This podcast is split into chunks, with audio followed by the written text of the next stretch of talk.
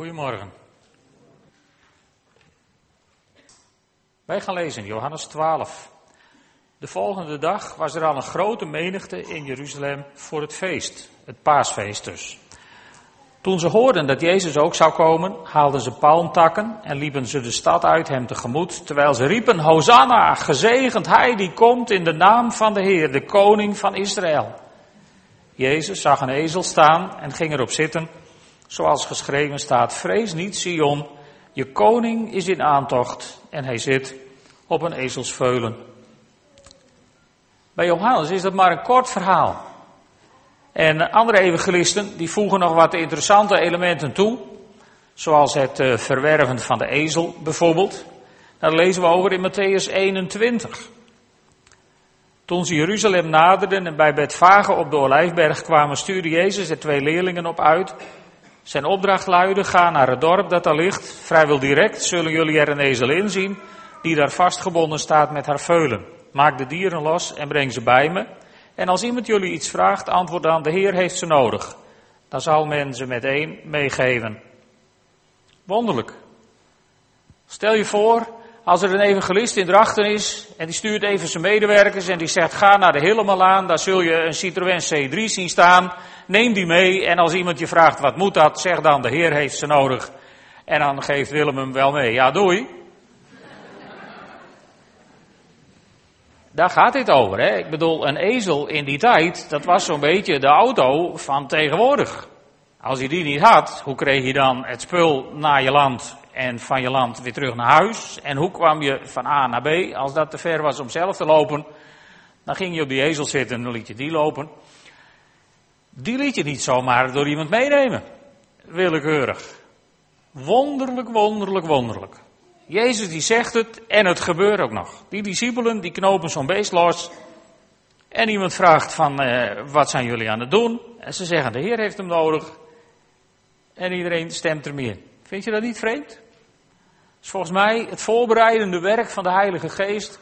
Als God iets wil doen, worden er kennelijk harten voorbereid om, om, om mensen klaar te maken voor dat wat er gaat komen. En dan komen ze met dat dier bij Jezus. Hij gaat erop zitten. En zo komt hij Jeruzalem in.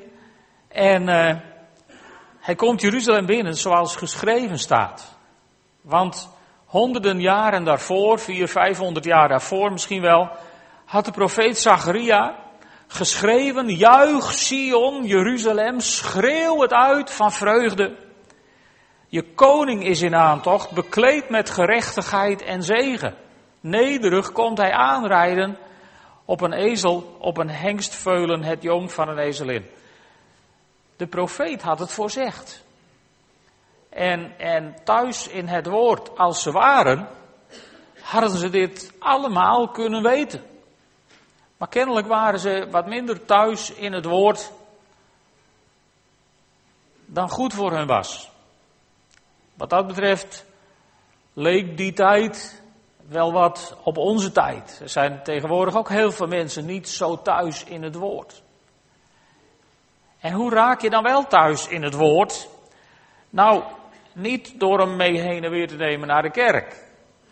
Ook niet om hem thuis op je nachtkastje te hebben liggen. Al hoe leuk dat misschien ook staat. Maar door erin te lezen. Door Bijbelstudie te doen in je gemeente, of op de televisie, of op de computer, of wherever, of er goede boeken over te lezen. Thuis zijn in het woord is belangrijk. Maar goed, daar hadden ze kennelijk niet zoveel aandacht aan besteed. Wij slaan de kleine profeten ook meestal over, laten we eerlijk zijn, dat zijn niet de meest gelezen boeken. En zo komt Jezus Jeruzalem binnen.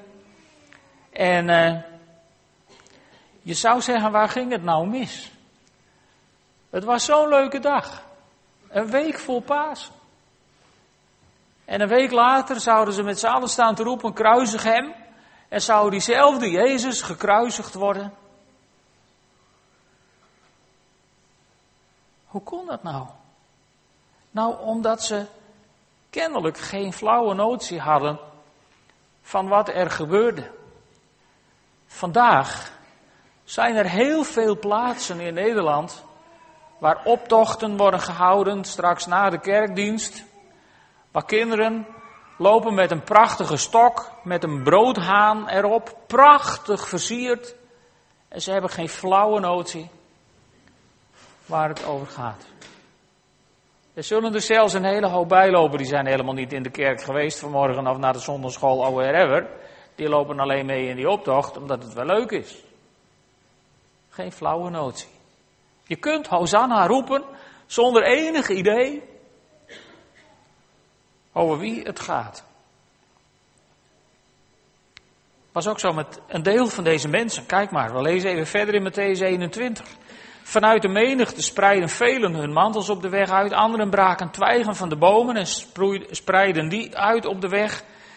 De talloze mensen die voor hen uitliepen en achter hem aankwamen, liepen luid, luidkeels, Hosanna voor de zoon van David, gezegend hij die komt in de naam van de Heer, Hosanna in de hemel.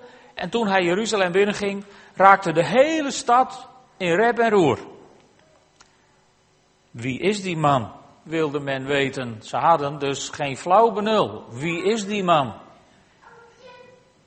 En uit de menigte werd geantwoord, en dat is heel typisch, want ze lopen te roepen, Hosanna voor de zoon van David. En er is op die vraag niet één die opstaat en zegt, dit is de zoon van David, de beloofde Messias, die zijn koninklijke intocht komt houden in Jeruzalem. Dat zei niemand. Wat ze zeiden, was dit is de profeet uit Nazareth in Galilea. Dit is de profeet uit Nazareth in Galilea. Kan er uit Nazareth iets goeds komen? Dat vroegen Joden zich kennelijk af in die tijd. En Galilea, nou dat was nou niet het hoogst ontwikkelde, meest beroemde, zwaarst geaccepteerde gebied in, in Israël in die tijd. Galilea, ach ja, dat waren de boertjes van Buten, dat was het domme volk van de, van, uit de provincie. Dat kon daar wat goeds vandaan komen. Nou, ja, nee, dit was die profeet uit Galilea. We weten waar hij vandaan komt, hè? we kennen zijn vader en moeder. Dit is toch de zoon van de timmerman. En zo vind je in, het hele, in de hele evangelie hoe Jezus werd gekwalificeerd. Nou, dit is hem. Ze zagen hooguit een profeet maar niet de koning. Eigenlijk waren ze niks verder dan veel moslims vandaag. Ook zij zien Jezus als een profeet. En dat is het, maar als je Jezus niet ziet als de koning, de zoon van God, de Messias, die naar deze wereld kwam om jou te redden, dan brengt het je nergens. Dan kun je nog zo hard Hosanna roepen en met palmtakken zwaaien en alle takken van de boom rukken die eraan zitten, maar het brengt je er niet. Jezus kennen, daar gaat het om. En ze kenden hem duidelijk niet. Want in hun plaatje was een koning bekleed met purper of scharlaken. Hebben we van een week bij de Bijbelstudie gezien. Of andere toonbeelden van weelde en macht. Maar omdat ze de schrift niet kenden, ten diepste die het plaatje zo duidelijk neerzetten van een koning die nederig op een ezel naar Jeruzalem kwamen, misten ze de boot. En omdat Jezus niet aan hun interpretatie voldeed van hoe het zou moeten zijn, liepen ze een week na datum kruisig hem. Bovendien waren er ook mensen boos. Dat is altijd zo. Als de geest van God gaat waaien, vorige week hebben, hebben we gezegd, de geest besloot om naar Jeruzalem te waaien op deze dag. En Jezus kwam daar dingen doen en mensen werden verontwaardigd. Mensen werden boos. Dat is altijd zo. Als de geest gaat bewegen, het is niet te geloven, maar dan worden er altijd christenen boos. Heidenen zul je er nooit opgewonden over zien raken als de geest gaat waaien. Maar christenen, mensen uit de kerk, die gechoqueerd misschien zijn omdat het net niet aan hun plaatje of aan hun traditie voldoet. En de theologen gingen voorop. Matthäus 21, vers 15. De hoge priesters en schriftgeleerden zagen welke wonderen hij verrichtte en hoorden de kinderen in de tempel Hosanna voor de zoon van David roepen en ze waren hoogst verontwaardigd. Dat waren bijzondere jongens, die fariseeërs en schriftgeleerden. Jezus geeft een blind geborene geneest hij, zodat hij kan zien. En wat doen ze? Ze smijten hem uit de kerk. Jezus geneest een verlamde die al 38 jaar bij zo'n bron ligt te wachten tot hij in het water kan springen, maar dat valt niet mee als je verlamd bent, dus hij bleef daar maar liggen. En Jezus geneest hem, ja, toevallig op de Sabbat, dus ze smijten hem uit de kerk.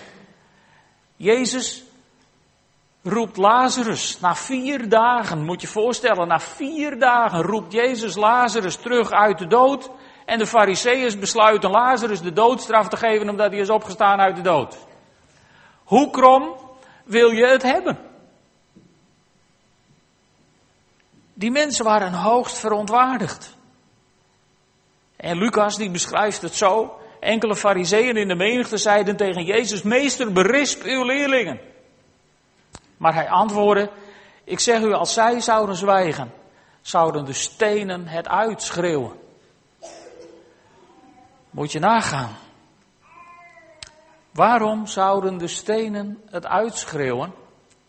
Hierom, omdat Gods woorden altijd in vervulling gaan. Die moet je eigenlijk even opschrijven. Gods woorden gaan altijd in vervulling.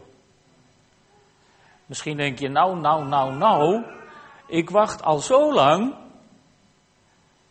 Ik zei ook niet dat ze morgen allemaal in vervulling gingen. Maar Gods woorden gaan altijd in vervulling. Rusten er op uw leven nog onvervulde profetieën? Koestert u beloftes van God die iemand over u heeft uitgesproken of die u in het woord hebt gelezen en die door de Heilige Geest in uw hart zijn verankerd? Koester je nog onverhoorde gebeden waarvan je het gevoel hebt, de zekerheid bijna van binnen in je hart dat God er nog iets mee gaat doen in je leven? Hou ze dan vooral vast en blijf ze koesteren. Toets eventueel of ze in overeenstemming zijn met het woord van God. En zo ja, blijf er dan op staan. Vroeger hadden we zo'n oud liedje, staand op de beloften van mijn Heer en God. Sommigen kennen dat misschien nog wel. Zo'n oud Johannes de Heer liedje, staand op de beloften van mijn Heer en God. Maar staan we op de beloften van onze Heer en God? Of hebben we ze naast ons op het nachtkastje liggen? Zou voor, nou, het zou leuk zijn als het nog eens. Gods woorden gaan altijd in vervulling. Dus ik wil je vandaag zeggen, geef de hoop niet op. Geef de moed nooit op. Hou nooit op God in je gebeden te herinneren aan beloftes op jouw leven. Hou nooit op God te vragen in je gebeden en je verlangens met Hem te delen. Er is mij eens verweten dat we voor mensen met ziekte die niet genezen, bij elke gelegenheid als ze dat willen, weer voor die mensen bidden. Er was iemand die vond dat een belediging voor God. Ik snap daar niks van. Dan denk ik, God is onze geneesheer. Hij geneest niet altijd iedereen en eh, ook niet altijd op het moment waarop wij dat willen. Maar we hebben aan de andere kant als discipelen van God wel de opdracht meegekregen om zieken te genezen, demonen uit te drijven, doden op te wekken. In ieder geval om ons deel van de actie te doen, toch? Zo zijn we toch in deze wereld gezet.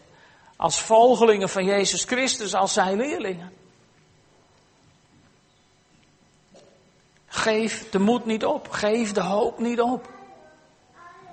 Bid voor mensen die in nood zijn. Breng je eigen noden bij God. Herinner God aan zijn belofte. Ja, misschien heb je vroeger thuis ook wel geleerd. Kinderen die vragen worden overgeslagen. Ik ken het gedichtje bijna uit mijn hoofd. En het doet iets met je relatie met God, laten we eerlijk zijn. Kinderen die vragen worden overgeslagen. Kinderen van God die Hem iets vragen, die worden nooit overgeslagen. Dat is de goede variant van dit rijmpje. Dan rijmt het misschien niet meer, maar dat doet er niet toe. Kinderen die hun nood bij God brengen, ontvangen altijd van God. Je krijgt misschien niet altijd je zin. Dat is wat anders. Maar God doet altijd iets. Hij komt je tegemoet. Hij geeft je kracht. Hij geeft je moed. Hij geeft je de mogelijkheden om weer door te gaan. Hij opent nieuwe deuren waar oude deuren gesloten zijn. Misschien zijn er in jouw leven ook wel eens deuren vlak voor je neus dichtgeslagen. Ik ken ze ook. En dan kun je zwaar gefrustreerd voor die dichte deur blijven zitten. En denken, Heer, ik wil die deur weer openen. Terwijl God al lang één of twee of drie andere deuren voor je geopend heeft. Misschien kennen jullie dat verhaal wel. Paulus en zijn metgezellen, die zijn op weg op hun zendingsreis. En dan willen ze naar Azië, naar het zuiden willen ze. En de Heilige Geest stond het hun niet toe, staat er dan zo mooi in handelingen. En dan willen ze naar het noorden. En de Heilige Geest liet het hun niet toe, staat er zo leuk. En we lezen eroverheen en we denken, oh wat prachtig, die mensen worden geleid door de Heilige Geest. Er was niks prachtigs aan. Ik denk dat Paulus net zo'n gefrustreerd konijn was als wij, als de dingen niet willen die je wilt. En uiteindelijk landen ze dan in Troas en daar krijgen ze een visioen. En daaruit maken ze op dat het de stem van God is. Zo zeker waren ze nou ook maar niet. Maar goed, ze stappen in een bootje, ze varen naar de overkant en het evangelie komt in Europa. Wonderlijk hè? Wonderlijk. God leidt, maar niet altijd op de manier die wij graag gezien zouden willen hebben. Maar houd moed. Geef de hoop niet op.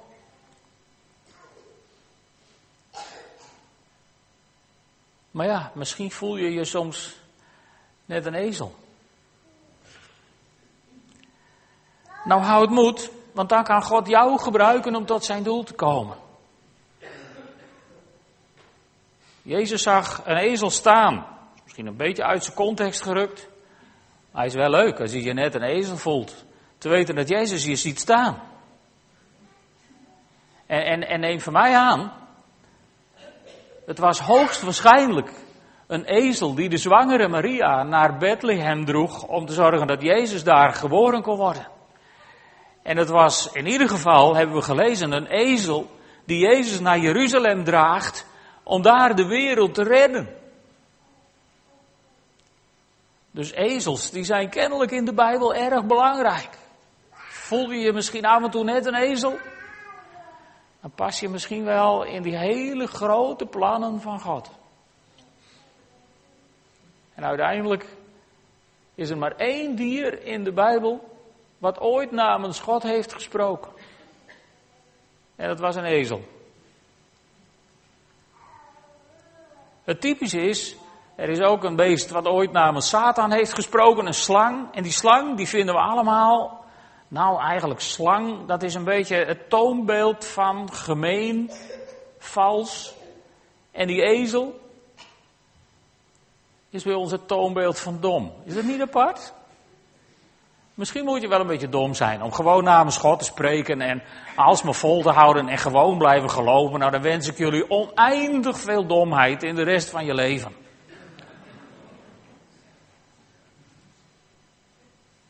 En misschien zit je hier wel te luisteren en dan denk je, nou het klinkt allemaal wel leuk. Maar jongen, mijn hart is net een steen geworden. Ik ben zo hard geworden van binnen door al die teleurstellingen, door al die dingen die, die me zijn overkomen. Ik ben, ik ben zo hard als steen geworden. Dan wil ik je dit zeggen, geef de moed niet op. Want Gods woorden gaan altijd in vervulling en als op een dag jij zo hard als een steen bent en niet in staat bent om God te prijzen, dan zal die steen op je hart het woord nemen en de Heere verheerlijken. Dan zullen de stenen, dan zal die steen in jouw hart, die zal het uitschreeuwen richting God. En je zult niet weten wat je gebeurt. Dus ik weet niet hoe min je over jezelf denkt. Maar God gaat je gebruiken. Ik weet niet hoe hard je geworden bent door omstandigheden in je leven. Maar de steen in je hart zal het uitschreeuwen en dan zal God die stenen dat stenen hart uit je binnenste wegnemen. En dan zal hij je een hart van vlees teruggeven, een hart wat overvloeit van zijn heilige geest. Een hart wat als een bron van levend water is in je binnenste, zodat dat alsmaar uit je zal stromen. Lijkt je dat wat? God wil wel. Gods woorden gaan altijd in vervulling. Alleen, wij willen het altijd begrijpen. Misschien is dat wel onze grootste worsteling. Johannes die schrijft in, in hoofdstuk 12 vers 16, zijn leerlingen begrepen dit aanvankelijk niet, maar later toen Jezus tot majesteit verheven was, herinnerden ze zich dat dit over hem geschreven stond en dat het ook zo gebeurd was. Dus als je het misschien niet allemaal begrijpt, dat is geen schande. Zelfs de discipelen, de twaalf apostelen, de, het fundament van de kerk, begreep het niet. Je hoeft ook niet alles altijd te begrijpen, als je het maar snapt. Ja. Want in Johannes 12, een paar versen verder, daar staat dit. Nu was er ook een aantal Grieken naar het feest gekomen om God te aanbieden. En dan gaat het er even niet om wie dat nou precies waren, maar er is een vorm van denken, dat noemen we het Griekse denken. En er is een vorm van denken, dat is het Semitische denken. Als je het verschil wilt ontdekken, dan moet je eens een keer naar een, een, een preken of een bijbelstudie gaan van een, van een echte Joodse bijbelleraar. Het liefst een bekeerde bijbelleraar, die over het Oude Testament gaat onderwijzen dan kom je in aanraking met een vorm van denken, die is zo ver bij ons vandaan. Er gaat een wereld voor je open als je die mensen het Oude Testament hoort uitleggen. Werkelijk waar, dat is eindeloos fascinerend. En dan heb je de Griekse denkers, waarvan ik dan denk, die Semitische denker die snapt het.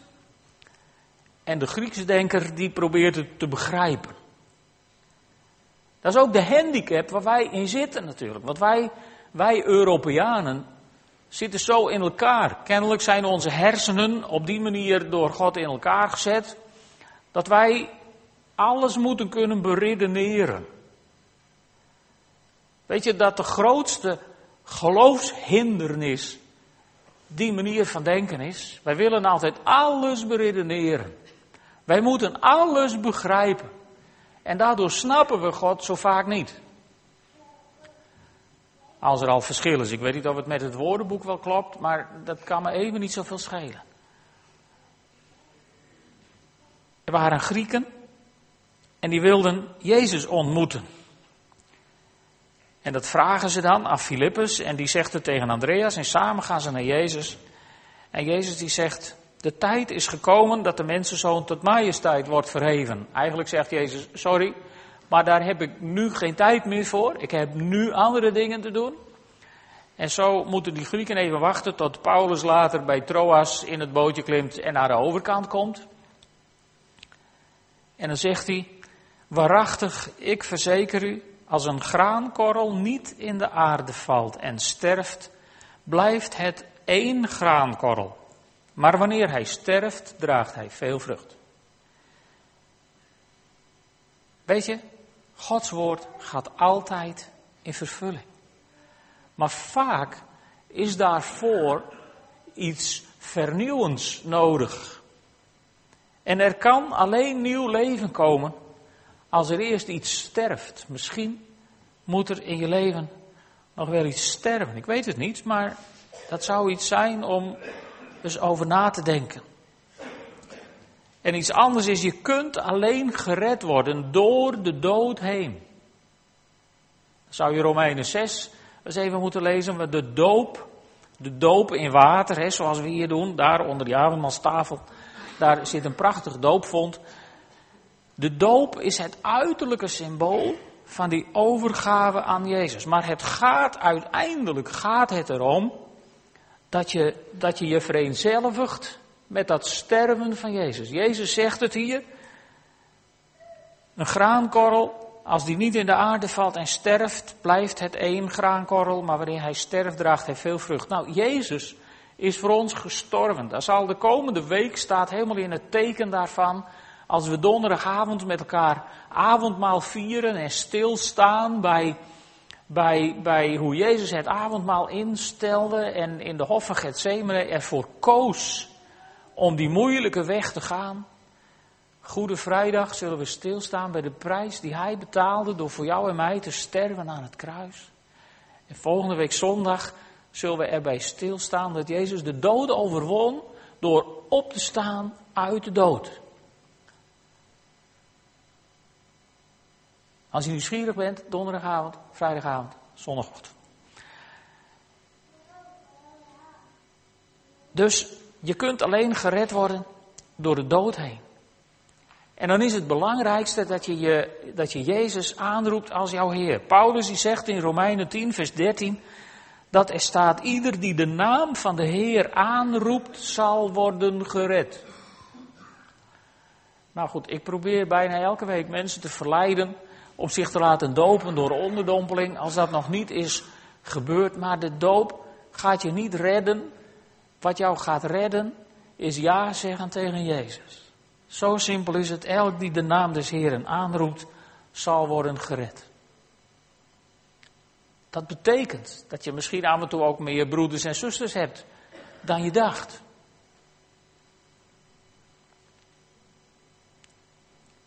En er zit nog iets in. Weet je, als je de naam van Jezus aanroept, dan zeg je ja tegen Jezus. Maar als je ja zegt tegen Jezus, ben jij de ezel geworden. En is hij de bereider. En wie bepaalt dan waar we heen gaan? Volgens mij bepaalt degene op de ezel nog altijd waar de ezel heen gaat. Is dat zo in jouw leven? Bepaalt Jezus waar jij heen gaat? Of heb je nog nooit ja gezegd tegen Jezus? Dan wordt dat hoog tijd. Dat kan ook bij het pastoraat. Straks of hiervoor, als je wilt. Want dat kan ik iedereen aanraden. Dan wordt Jezus de bereider en jij bent de ezel. Maar wat een erebaan. Wat ik zei. Die ezel die Maria naar Bethlehem mocht brengen. Die ezel die Jezus nu Jeruzalem binnen mag brengen om de wereld te redden. En weet je, het is een erebaan waarvoor jij gered bent. Wij zijn gered om het transportmiddel te zijn van onze Heer Jezus Christus. Wij zijn door Jezus Christus gered voor de eeuwigheid om de ezel te zijn waarop Hij kan komen waar Hij wil zijn. En die vraag zou ik je tot slot willen meegeven. Waar breng jij Jezus de komende week naartoe? Mag je op je rug mee naar je werk, naar school, naar de straat waar je woont, naar je familie? Beste ezel, waar breng je Jezus van de week heen? En volgende week. En die week daarna. En die week daarna. Mag hij echt jouw bereider zijn? Amen.